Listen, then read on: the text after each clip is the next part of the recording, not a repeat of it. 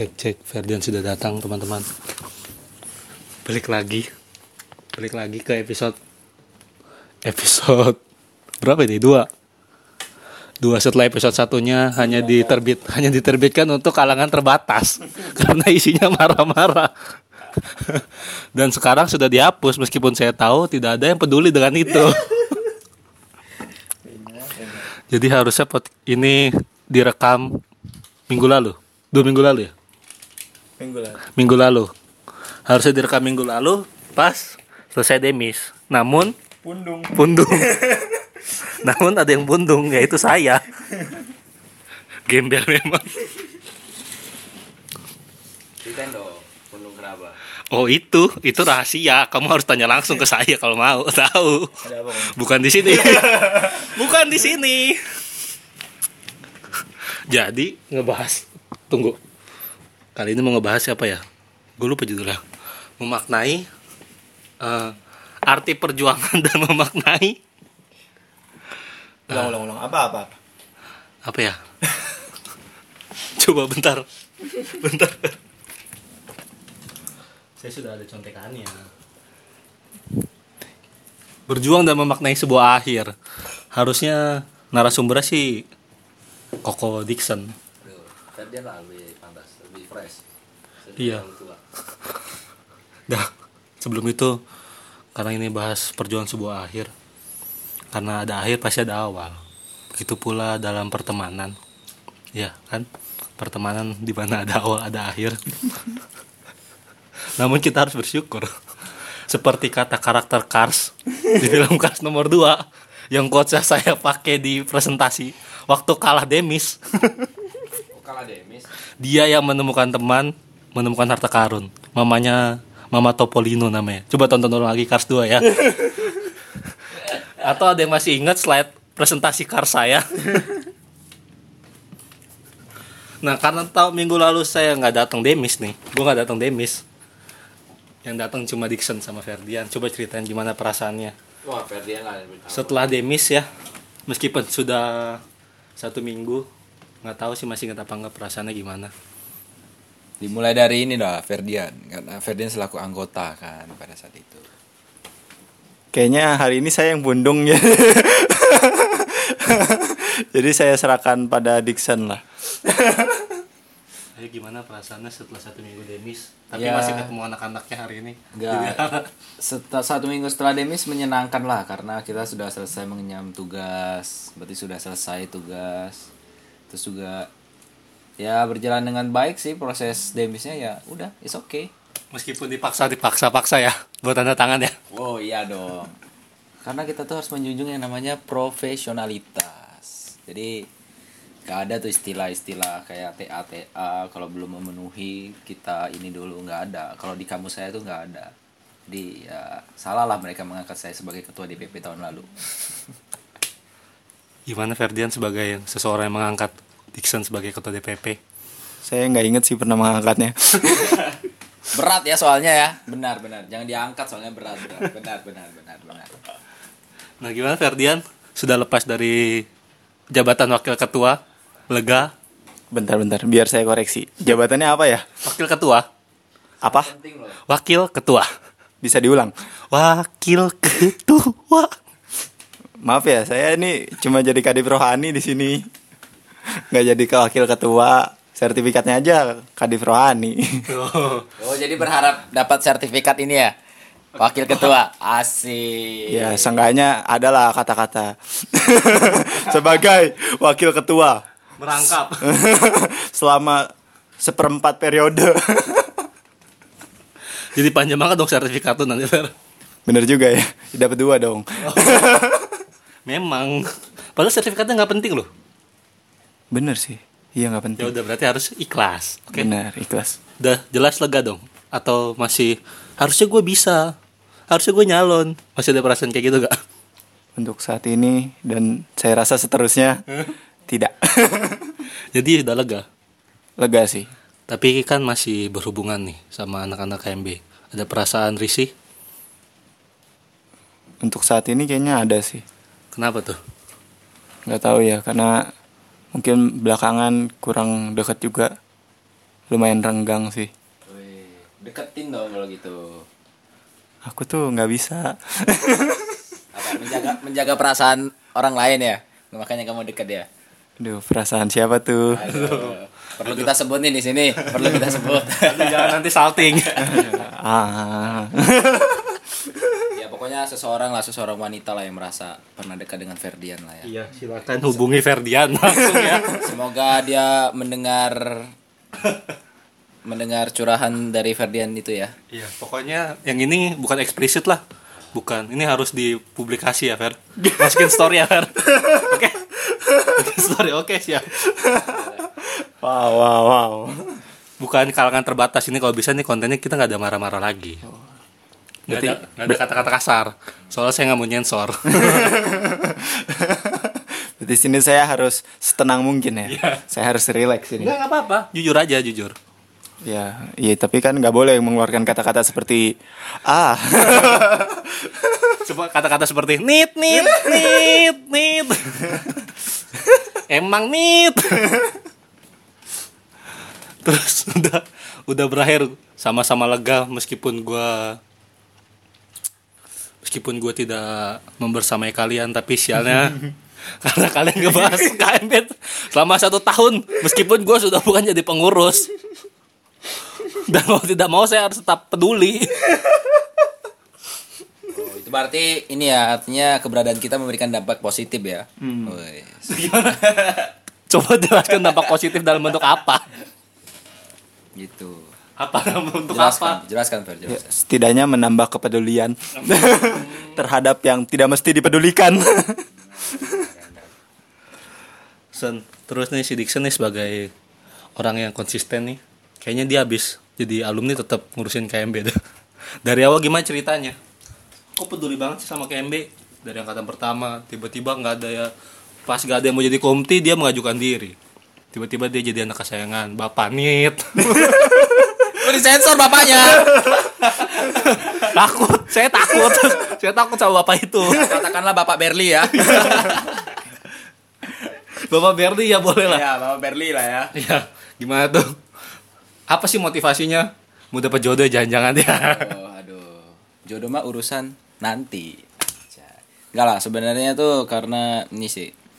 eh berawal dari kisah di mana saya tuh gap year selama eh satu tahun jadi gagal masuk IPB saya gap year dulu selama satu tahun. Nah di situ tuh saya memang benar-benar mendalami tentang eh Buddhisme itu sendiri. Jadi kan dulu sebelum pada jadi kan dulu eh jadi kan dulu pada saat SMA itu memang saya lagi fase-fase bandel-bandelnya gitu. Jadi emang sesat-sesatnya gitu kan. Fase gap year itu memang mendalami dan bukan mendalami sih sebenarnya lebih kayak eh, mempraktikkan lah mempraktikkan ajaran Buddha Dhamma dan di situ saya tuh kayak membandingkan gitu Eh, banyak anak-anak Buddhis yang eh, notabene-nya dia itu adalah Buddhis tapi dia belum mempraktikkan kayak Buddhisme itu sendiri. Nah, ketika sudah masuk ke dalam IPB itu saya melihat bahwa oh bagus nih ternyata di IPB ini ada satu organisasi yang namanya KMB. Di situ memfasilitasi teman-teman eh, yang sesama beragama Buddhis dan sama-sama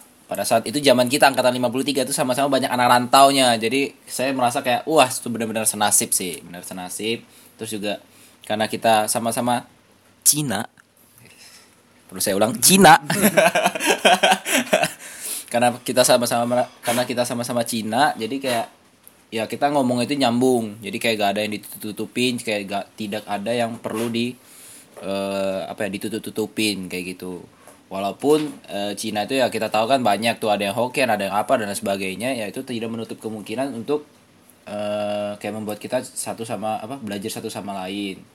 Terus kayak apalagi kayak eh, kan kita di jauh-jauh nih kayak eh, mau makan tit. Nih gitu.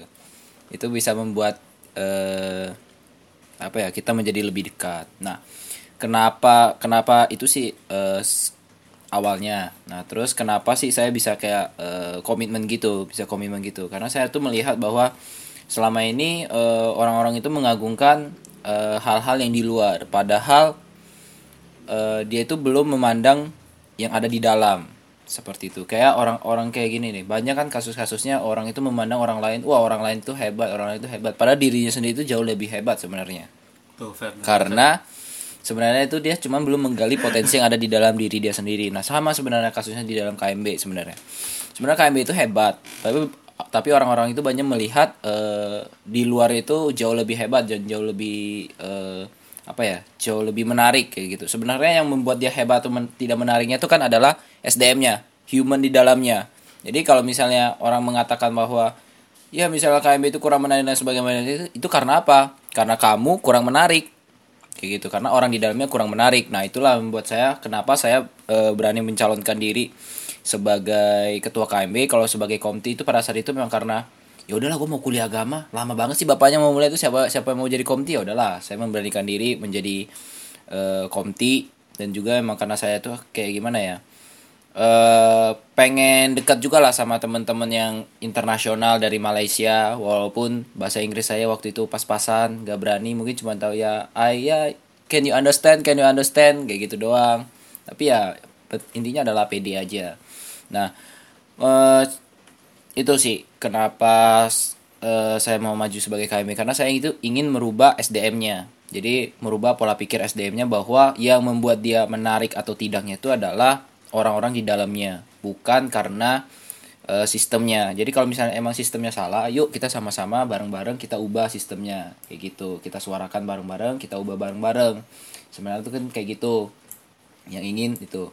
Nah eh, sejarahnya itu sebenarnya gue juga gak pengen maju sebagai ketua KMB pada saat itu. Tapi saya melihat eh, gimana ya dari cutting-cutting dari ini juga bilang wah Dixon lah nih yang maju nih sebagai ketua KMB sekali kan dia komti kayak gitu. Sebenarnya gua awalnya tuh juga nggak ada niatan buat maju kayak gitu. Karena yang gue merasa ya untuk memajukan KMB lu gak, gak harus menjadi seorang ketua. Tetapi lu cukup menjadi seorang anggotanya aja sudah bisa memajukan KMB melalui kontribusi lu di eh, tugas yang lu emban. Seperti itu. Nah ketua itu juga cuman sebagai kalau dulu kan para para pemimpin tuh bilang jangan jadikan ketua itu tumbal. Wes kan kayak gitu kan. Sebenarnya hampir itu apa ya? Ucapan itu adalah doa lah. Jadi banyak banyak yang jadi pemimpin tuh dijadikan emang jadi dijadikan tumbal sih. Jadi oh dia jadi pemimpin. Oh awalnya diapresiat. Di awalnya diapresiat. Oh ya kamu jadi ketua. Ya saya mau gabung nih divisi ini divisi ini. Tapi di tengah jalan pergi orangnya entah ke mana. Ya saya tidak usah sebut lah yang angkatan berapa.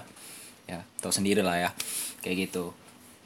Nah eh nah itu yang coba ingin saya ubah sebenarnya. Dari dari dukungan itu terus ya udahlah saya maju aja lah. Ada ada atau tidaknya calon juga ya udah gue tetap maju kayak gitu. Walaupun misalnya cuma satu orang ya udah gue maju. Nah di akhir akhir pendaftaran oh muncullah sosok yang sangat luar biasa Manggala mendaftarkan diri. Terpaksa saya terpaksa. Tunggu tunggu. Ke KMB bukannya lu jadi ketua KMB karena lu jago main basket? Oh Keluarga- KMB keluarga. Keluarga keluarga keluarga mahasiswa basket gitu ya? Gila gila gila gila. Bukannya berjudi?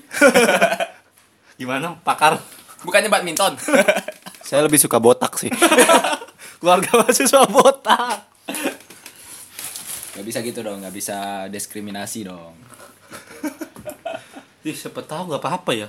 Gak- emang ada kan komunitas yang namanya Andi namanya Budi. Emang nggak boleh orang botak itu bersatu di PB ya kan. Anggotanya pengurusnya dosen.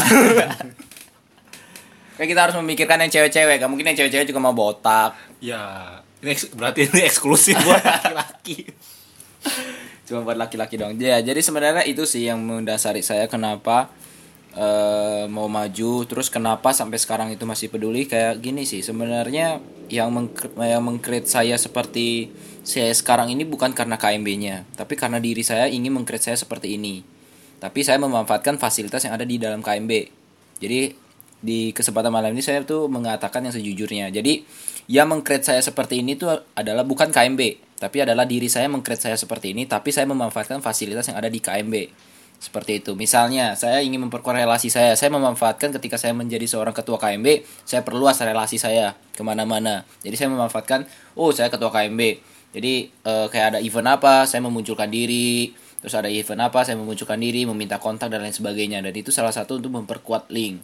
Terus juga eh, basic apa? Saya sebelumnya tuh kurang percaya diri kalau misalnya mempresentasikan segala sesuatunya. Dan situ saya belajar dari misalnya dari KMB saya hal-hal kecil. Saya saya harus tampil dulu bisa di depan anggota saya. Padahal ya saya belum tentu menguasai materinya secara 100% tapi saya punya pemikiran bahwa ketua itu harus didengarkan. Ketua itu adalah kepala kan. Jadi mau nggak mau lu harus tampil optimal.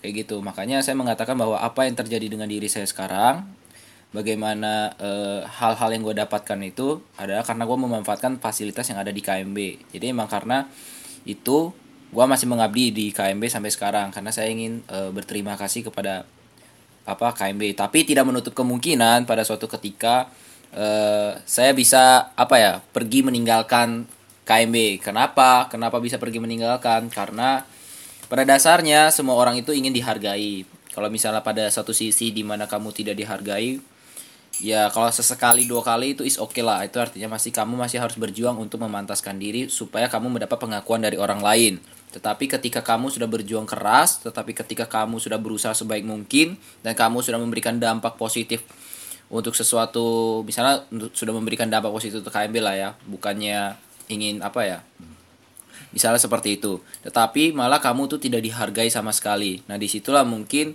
eh, titik lelah saya di gitu loh. Jadi saya juga tidak bisa mengatakan bahwa apakah nanti sampai alumni ataukah ses- setelah dari saya mengatakan ini saya akan masih tetap peduli pada KMB u- eh, saya tidak bisa memprediksi tetap saya akan masih peduli seperti itu karena saya ingin berterima kasih atas fasilitas yang sudah diberikan seperti itu Luar biasa. Mister Perfect memang. memang Mister Perfect. Emang luar biasa. Speechless saya. Saya speechless kayak film kayak judul lagu di film Aladdin. speechless. Terus Ferdian gimana? Ada apa? Kalau berjuang 2 tahun, Dixon 3 tahun. Lu 2 tahun nih sebagai wakil ketua yang seperempat periode itu. gimana perasaannya setelah selesai dan tidak nggak jadi DPP lagi? Ya, buat gue sendiri sih lega. Karena akhirnya selesai sudah saya di sini. Artinya saya bebas mau mengembara ke mana pun. Entah itu ke barat mencari kitab suci bersama seekor monyet, babi, dan siluman air. Saya bahagia. gitu sih. Apa? Apa lagi? Terus sudah puas kah? eh sebenarnya ada yang ngeganjel sih tapi gue sendiri nggak tahu yang ngeganjel itu apa dan itu ngeganjel aja gitu nggak nggak kayak batu ginjal kalau batu ginjal kan lu tahu kalau itu batu ginjal tapi ini kayak nggak tahu itu apa ya emang gue terkadang nggak bisa mendeskripsikan sesuatu sih Itu apa? Terbang apa enggak? Kalau terbang UFO jangan-jangan. bisa jadi sih kayaknya UFO deh. itu jangan-jangan tongkatnya keras sakti.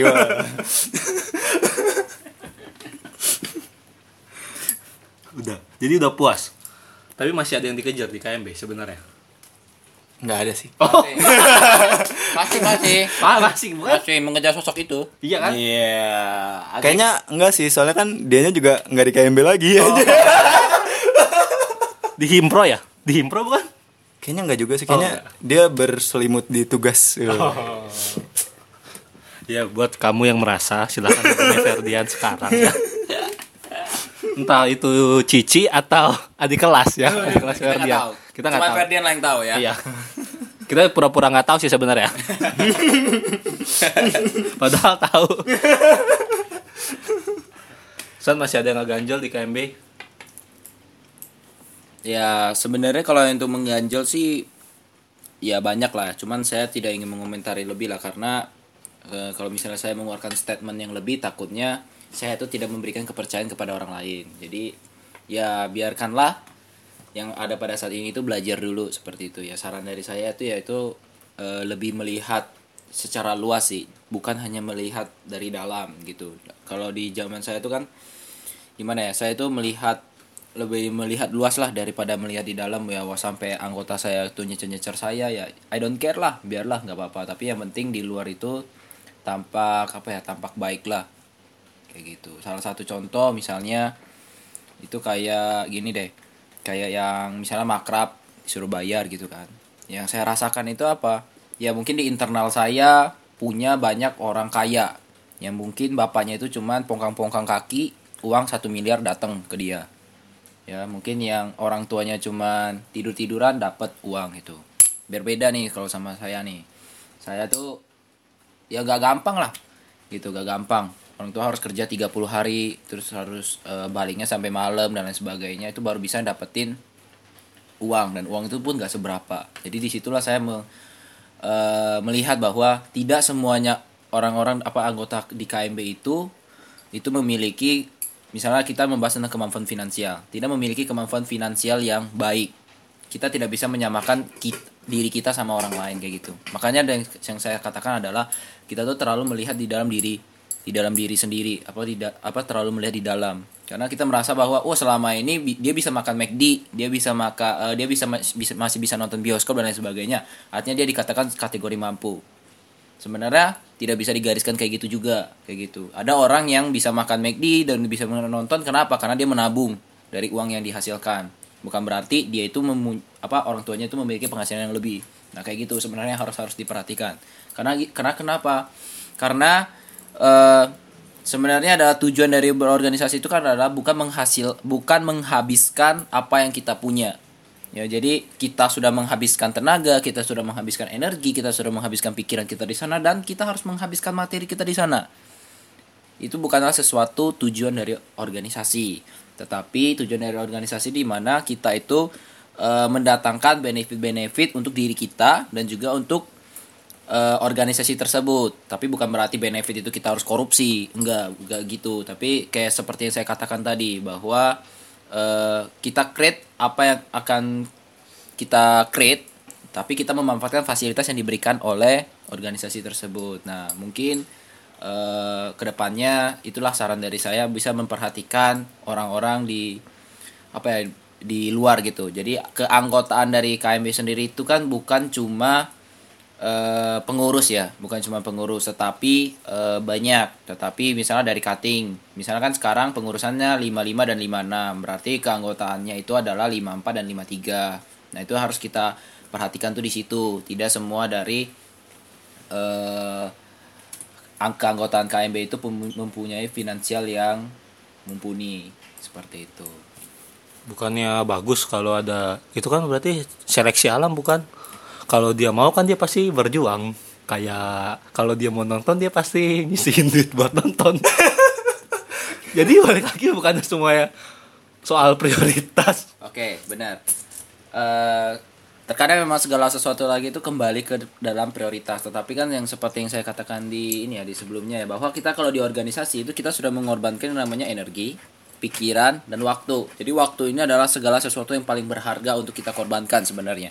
Kita mengorbankan waktu itu adalah sesuatu hal yang tidak bisa kita istilahnya nggak bisa kita refill lah. Kalau kita buang buang energi kita, kita masih bisa refill gitu dengan mengonsumsi makanan-makanan yang sehat atau tidur yang cukup itu bisa kita refill ya menguras pikiran kita kita masih bisa kita refill ya dengan apa hiburan-hiburan biar bisa pikir kita lebih fresh. Tapi waktu waktu itu gak bisa kita refill. Jadi kalau misalnya kita udah hilang satu menit atau hilang satu detik ya udah kita nggak bisa menda- mendapatkan itu kembali. Walaupun kita mempunyai satu detik atau satu menit ke depan ke depannya lagi tetapi kondisinya sudah berbeda.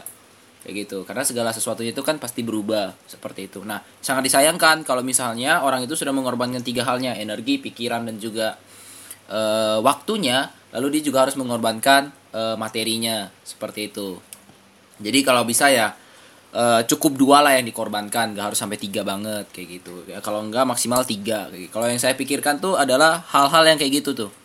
Eh, ya saya juga pernah ngerasain kayak gitu. Kayak di tingkat pertama kayak saya disuruh bayar ini bayar ini itu saya ngerasa untuk apa? Untuk apa? kayak gitu loh. Untuk apa saya ngelakuin ini? Emang dengan saya mengeluarkan ini itu bisa membuat misalnya eh, ya saya kan orangnya ambis pada saat itu. Emang dengan saya bayar segini akan membuat IPK saya menjadi 4 enggak kan? Tapi misalnya misalnya kayak gini eh, kalau saya mengeluarkan eh, meluangkan waktu saya terus eh, mengeluarkan energi saya eh, meluangkan pikiran saya apakah akan ada sesuatu yang saya dapatkan? Iya. Kayak gitu loh. Jadi ya harus dipikirkan banget sih. Misalnya kayak ya kayak masalah uang gitulah ya. Fi- finansial ya eh dia sudah capek dan saya- dia misalnya dia sudah capek terus udah kayak udah mengorbankan segala sesuatu udah mumet lah. Terus ditambahkan lagi dia harus mengorbankan uangnya. Pada uangnya itu bisa digunakan untuk hal-hal yang lain. Misalnya untuk perawatan diri dia bisa beli skincare kah atau apakah ya kan? Karena orang-orang itu juga harus namanya mengejar kepuasan pribadi. Kayak gitu intinya mah baik lagi berarti ke prioritas. Enggak mungkin maksudnya apa ya sebagai pani sebagai dalam organisasi harus ada apa ya melatih empati kali ya sama bentuk rasa hormat. Benar benar. Hormat ya meskipun sampai sekarang tadi dia bilang saat itu mas, mas- saat itu ambis sekarang masih ambis kok. Dixon percaya dia masih ambis sampai sekarang. Sialan ya.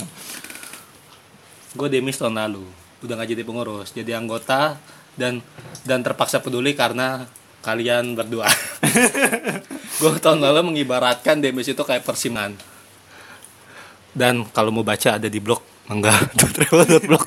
Promosi promosi. Promosi promosi. Terus kalau kalau Ferdian dulu dah gimana? Mengibaratkan perpisahan nih. Sebuah akhir tuh lu ibarat kata apa nih? Maksudnya? Gimana tuh? Kalau mengumpamakan kan lu jago tuh. Enggak sih. Enggak jago sih. Yang jago tuh dia. Oh, iya ya udah. Udah gua jadi gimana? Maksudnya jadi di sini perumpamaan perpisahan ya? Iya perpisahan akhir perjuangan lah sesuai tema. Lu memaknainya kayak gimana? Kayak Apa ya? Istilahnya Pertama gue mau cerita dulu Bingung sih sebenarnya gue Di KMB itu ya Karena Gini Ini gue perlu cerita awal gue masuk KMB nggak? Nggak usah ya Nggak usah ya.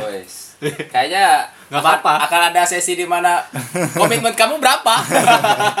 gak apa-apa kan bisa perjuangan Kayaknya- lu Kata-kata itu luar biasa ya. Kena temanya perjuangan juga ya Iya, perjuangan. perjuangan sih padahal nggak punya segi pahlawan di dalamnya cuma jadi pengacau penjajah jadi ya gitu sih. Sebenarnya gue sempat bingung kenapa gue bisa ada di sana selama dua tahun lagi. Bodoh memang. Iya, heran aku tuh. Tapi gitu. Jadi awal tuh ya pasti itu tadi keinget banget lah pas ditanya komitmen dan gue dengan polosnya menjawab 100% karena banyak orang-orang yang bilang kalau lu ditanya komitmen jawab aja 100% pasti keterima! Gimana jawabannya kalau 100%? bullshit itu ya emang teman-temanku itu luar biasa dalam memberi saran uh, pengen berkata sasar ya Nit nit nit aja nit nit. Nit. oh iya benar Kalau kasar. gitu terus itu sih karena dari komitmen itu ya saya terpicu juga kan untuk membuktikannya akhirnya ya saya menjalaninya terus juga di sisi lain sebagai seorang manusia jadi salah channel kita. Channel apa ini? Gitu. Sebagai itu gue juga uh, punya suatu ketertarikan ke segi rohani ke segi keagamaan segi religius. Spiritual. Iya, spiritual.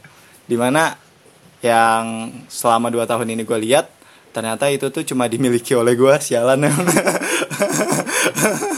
ternyata orang-orang lain tuh nggak punya sisi itu gitu.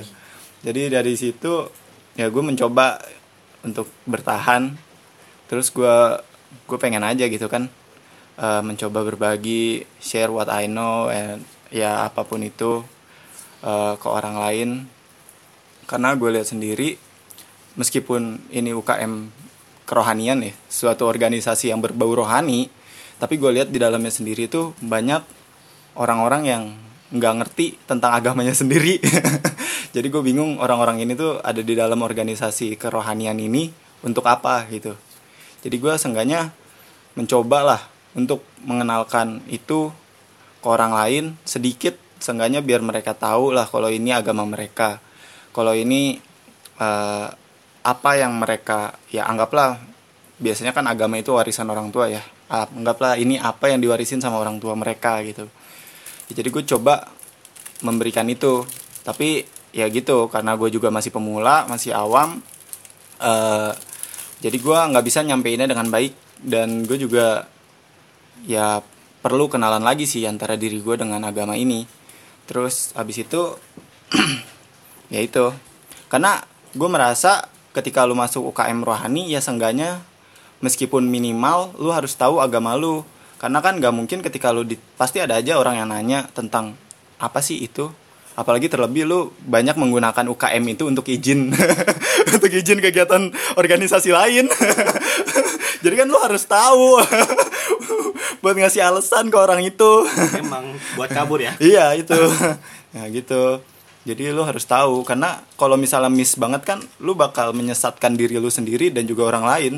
Anggaplah ketika ada orang lain bakal nanya kan ngapain sih lu sujud ke patung?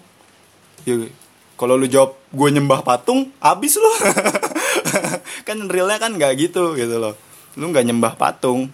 Jadi ya gitu sih meskipun minim lu harus tahu agama lu atau yaitu lu ketika lu ada di UKM kerohanian. Dan gue berusaha bertahan buat nyebarin itu buat ngelakuin itu ternyata cara gue gagal nggak berhasil orang-orang nggak ada yang peduli nggak ada yang care nggak ada yang tertarik. Ya oke akhirnya semuanya balik ke gue dan diri gue itu sih.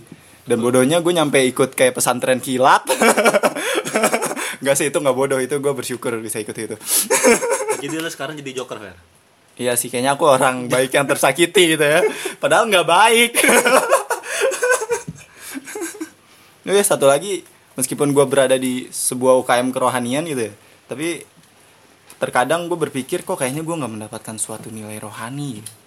Dan terkadang gue berpikir kegiatan-kegiatan di dalamnya itu beberapa masih ada yang eh, bisa dibilang bergeser lah dari segi rohani dari segi spiritualisme yang baik gitu.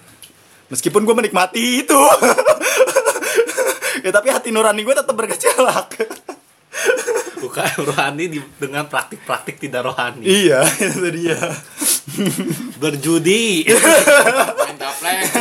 Membicarakan keburukan orang lain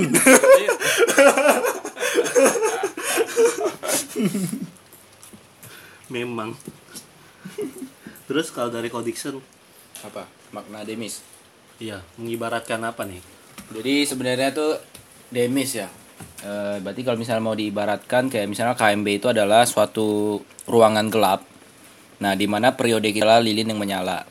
Nah, jadi demis itu adalah periode di mana lilin yang sudah kita nyalakan itu habis dan dan kita mengganti dengan lilin yang baru. Seperti itu. Jadi bukan masalah eh, siapa yang lebih terang, bukan masalah siapa yang bukan masalah lilin mana yang lebih terang maksudnya. Tapi masalahnya adalah supaya kita masih mempertahankan supaya ruang kosong itu tidak gelap, tapi tetap tetap terang. Bukan siap bukan masalah siapa yang lebih terang gitu loh, tetapi intinya adalah ruang gelap itu bisa tetap terang gitu. Jadi dia bis- masih bisa menunjukkan jalannya seperti itu. Itu makna demis bagi saya. Anjir bagus. Tolong jangan buka blog saya. jangan dibaca. Saya jadi malu saya nulisnya. Bagus untuk perumahan punya Bos Dixon. saya mau ngasih perumpamaan yang jelek dong jadi gini kalau buat saya demis itu kayak karena saya di pertanian ya. Jadi buat saya demis itu kayak ibaratkan tanaman. Ketika tanaman tuh ditanam rapet ditanam bergerombol dia nggak bisa tumbuh dengan baik. Dia apa? Jadi kerdil. Nah tapi ketika ini kan demis nih akhirnya berakhir ya. Artinya ya anggaplah dia itu kayak dipisahkan. Jadi waktunya tumbuh. jadi apa kayak diri saya ya ini kayak diri saya. Jadi ketika di gerombolan itu ya saya tetap tumbuh. Saya tetap tumbuh. Ya, tapi kayak terbatas gitu karena harus ada persaingan unsur hara dan gitu gitu. Jadi ketika demis ini berakhir kayak saya tuh sebagai bibit yang dipindah tanam ke wadah yang pupuknya subur diberi air dan cukup ruang Oh. untuk untuk bebas lah. Nggak saya nggak mau bilang tumbuh lebih baik karena belum tentu saya tumbuh lebih baik. Siapa tahu saya gagal terus mati di situ ya seenggaknya saya sekarang bisa menghirup oksigen lebih banyak Meskipun belum tentu hidup. iya Bagus juga. Tolong jangan jangan kunjungi blog saya, oke? Sial. Nit, nit. Nit, nit, nit, nit, nit. Bagus, bagus punya mereka nit, nit. Sedih atau tidak? ada sedihnya ada enggaknya Sedih atau tidak? Enggak sih biasa aja. Suka saya Emang sudah batinnya seimbang. Dia. dia mah memang sudah di atas. Bukan level kita.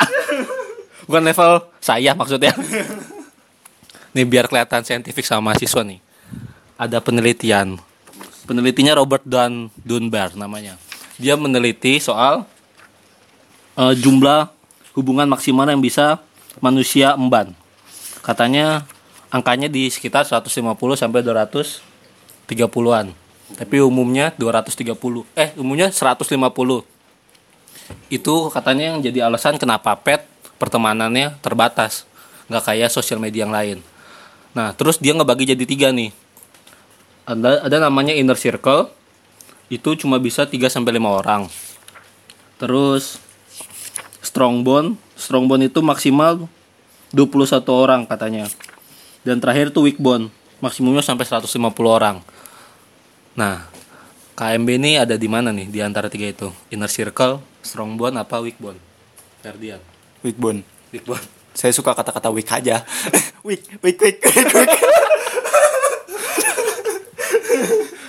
Dixon Hubungan apa nih? Hubungan apa? Maksudnya hubungan apanya dulu? hubungan antar manusia lu kalau mengelompokkan pertemanan lu saat ini nih KMB itu masuk inner circle kah strong bond apa weak bond Inner circle yang berarti yang 200 ya? 3 sampai 5 Banyak orang. banget. Jadi to- totalnya 3 itu tuh maksimal sekitar 200-an. Terus dari 200 itu dibagi 3. Inner circle 3 sampai 5 orang, Terus? strong bond 21 orang, weak bond sampai 150 orang. KMB itu masuk mana? Hubungan yang kuat sih sebenarnya. Strong. Strong. Strong bond. Strong bond. Yakin? Iya. Yakin. Yakin. Kenapa ini strong bond ini weak bond? Apa karena pengalamannya beda? Ini 3 tahun ini 2 tahun. Kayaknya iya sih. Saya sudah kurang berpengalaman gitu. Oh gitu. Jadi lu milih weak bond karena 2 tahun. Enggak juga sih. Oh. Saya bilang tadi, saya suka weak. Subjektif dan tidak sesuai topik. strong kalau menurut saya kenapa dia itu eh, strong karena emang apa ya eh, pada dasarnya kan kita eh, visinya itu kan sama. Terus juga karena emang kita gimana ya satu jenis lah ya satu jenis satu spesies. Satu spesies gitu. Satu spesies. Jadi kalau misalnya kayak kita bercakap atau apa itu emang lebih eh, lebih nyambung gitu. Walaupun ada tanda kutipnya ada beberapa yang emang enggak apa ya enggak nggak nyambung nggak nyambung sama kita juga. Karena emang faktor lingkungan terus juga faktor pergaulannya yang membedakan mereka kayak gitu. Kalau menurut saya sih kalau untuk pengalaman dari diri saya sendiri itu lebih ke strong kayak gitu. Jadi ya kita bisa membentuk hubungan-hubungan yang eh, lebih kuat dan lain sebagainya. Kan sama spesies nih tapi nggak menemukan itu. Kesamaan. Maksudnya kesamaan apa nih? Kesamaan buka kurung baca titik dua jodoh tutup kurung. Jodoh ya oke. Eh, gimana ya? Aduh ini tertuju pada saya saja Iya. tidak ke Ferdian aduh gimana ya kan lu milih strong bond kalau Ferdian kan weak bond Nah gitu. Ya mungkin karena gini lah, mungkin karena kepribadian saya kan orang sudah tahu lah ya, saya kan berapi-api, keras kepala dan lain sebagainya ya. Gak ada siapa sih yang mau sama orang-orang kayak gitu kan? Ya. bullshit tolong teman-teman bullshit mohon maaf saya potong dia tuh sempurna Enggak, enggak, enggak. Jadi emang karena ya karena emang saya mengakui sih pribadi saya kan kayak mudah berapi-api, terus juga mudah terpancing, terus juga emang eh, keras kepala. Jadi ya kayak ya kalau orang yang mau sama saya itu pasti harus mikir dua kali lah, nggak cukup kayak dua kali, empat kali, lima kali, enam kali lah kayaknya kayak gitu. Dan kenapa saya belum menemukan yang eh, apa ya, yang cocok ya, atau misalnya kayak nemuin kesamaan gitu ya. Sebenarnya kan kalau di dalam Buddhisme sendiri kan ada lima ya kan ada sama sada sama sila sama panya terus sama apa lagi satu lagi ya? Sama sila ya? Nggak tahu gampang. terus yang pokoknya yang kelima itu harus ada sama sama sama suka kayak gitu loh. Nah cenderung kan ke eh, kecenderungan kebanyakan itu kita cuma memenuhi dua dua kriteria. Sama panya sama sila tapi yang yang tiga itu belum. Apalagi yang, Yang kelima. apalagi yang kelima. Sama-sama suka itu susah sekali kayak gitu loh. Jadi ya misalnya kayak pernah suka sama anggota atau eh, apa anak-anak KMB ya jawabnya jujur ya saya pernah kayak gitu tapi ya tidak menemukan sama itu kayak gitu tidak menemukan kesamaan di situ gimana Ferdian oh enggak udah tahu kita semua sudah tahu Ada apa nih? Tidak perlu dibahas yang ini. Beda topik ya. Oh iya, beda topik. Ada sesi tersendiri ya. Jangan. ada nanti soal soal jodoh ada. Terus gimana nih kesan pesan kesan pesan nggak perlu kayaknya. ya. Terus closing statement dah dari Ferdian buat berjuang dan memaknai sebuah akhir nih. Eh, yang namanya berjuang lu pasti butuh usaha dan di dalam usaha itu ada gaya. Rumus usaha apa sih? Salah ya? F kali apa sih? F kali S ya? T waktu Kok ada T? Sejak kapan usaha ada T-nya? Nggak ada, Mas. T sama F kali T saya, saya rasa enggak ya. Ya, mohon maaf. Kita jadi belajar fisika ya. Kita nggak riset dulu nih. Niatnya apa emang? Niatnya apa? Intinya sih gini, kalau namanya berjuang tuh ya ya lu harus berjuang gimana caranya itu jadi menarik buat lu. Dan tadinya gue mau bahasnya ada gayanya gitu. Biar nggak banyak gaya. Iya, enggak justru ketika lu ingin berjuang di sesuatu yang rumit, buatlah itu menjadi menyenangkan sesuai gaya lu dan mudah-mudahan orang lain bisa nerima itu. Gitu sih. Luar biasa. Silakan, Koko Dixon. Closing statement. tentang berjuang dan bagaimana cara memaknai suatu akhir. Jadi eh, kalau untuk berjuang itu ya di mana pun dan kapan pun kalau mau kita mau berjuang ya berjuang aja. Jadi kayak eh, berjuang itu tidak perlu kita memilih tempat dan memilih keadaan. Jika emang kita merasa kita bisa berjuang, ya udah kita berjuang kayak gitu. Tapi yang harus kita garis bawahi adalah berjuang dengan akal sehat juga. Jadi jangan sampai kita berjuang tapi kita mengorbankan akal sehat kita kayak gitu. Dan bagaimana memaknai sebuah akhir itu adalah dari bagaimana kita mengapresiasi diri kita sendiri dan juga bagaimana kita mengapresiasi orang-orang yang sudah membantu kita untuk mengapresiasi diri kita sendiri. Gimana? Gimana? mengapresiasi diri kita sendiri, mengapresiasi orang lain Yang yang sudah- sudah mengapresiasi diri kita sendiri. Jadi gini maksud Wah, saya bingung. Jadi gini, ba- bagaimana kita memaknai sebuah akhir itu adalah kita pertama kan eh, kayak eh, mengapresiasi diri kita sendiri. Jadi kayak kita sudah berjuang sejauh ini, lalu kita juga sudah mengorbankan segala macamnya. Ya kita harus berikan sedikit ruang untuk diri kita sendiri. Yang selanjutnya adalah kita mengapresiasi orang lain yang kayak sudah membantu kita dalam eh, bisa mengapresiasi diri kita kayak gitu. Misalnya kayak eh, wah gue berhasil nih menyelenggarakan ini ini ini ya walaupun saya leadernya tetapi kan ada misalnya kayak orang-orang di belakang saya kayak gitu kan nah itu adalah mereka itu membantu kita untuk mengapresiasi diri kita sendiri kayak gitu Itu. Gue belum memaknai akhir ya. Iya, silakan ditambahkan.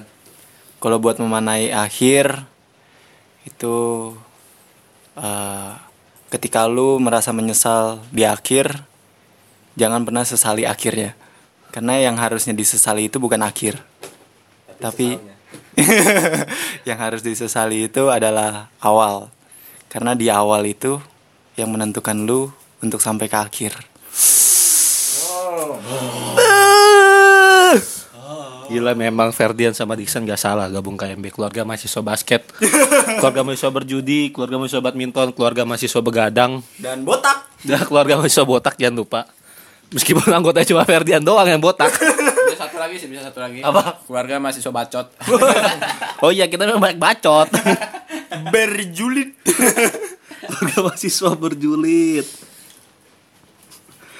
Ya udah teman-teman terima kasih sudah mendengarkan. Meskipun saya tahu kalian tidak peduli begitu pula dengan saya supaya tidak topiknya sebelum basi dan apa ya supaya nggak jadi janji doang. Sekian dari Saya. Siapa saya sih? Ferdian. begitupun dari saya James. James. Mr. Perfect tadi ya Mr. Perfect. Dan saya Mangga lah pamit sampai jumpa di episode selanjutnya di podcast 3 4 5 dadah Gak mati dong. Masih kerekam suara gue ya? iya ya udah kali udah kali ya Udahlah. udah udah udah Udah, udah, udah. udah udah udah Udah lama anjing 40 menit. Weh, jangan gitu. Gua harus sensor.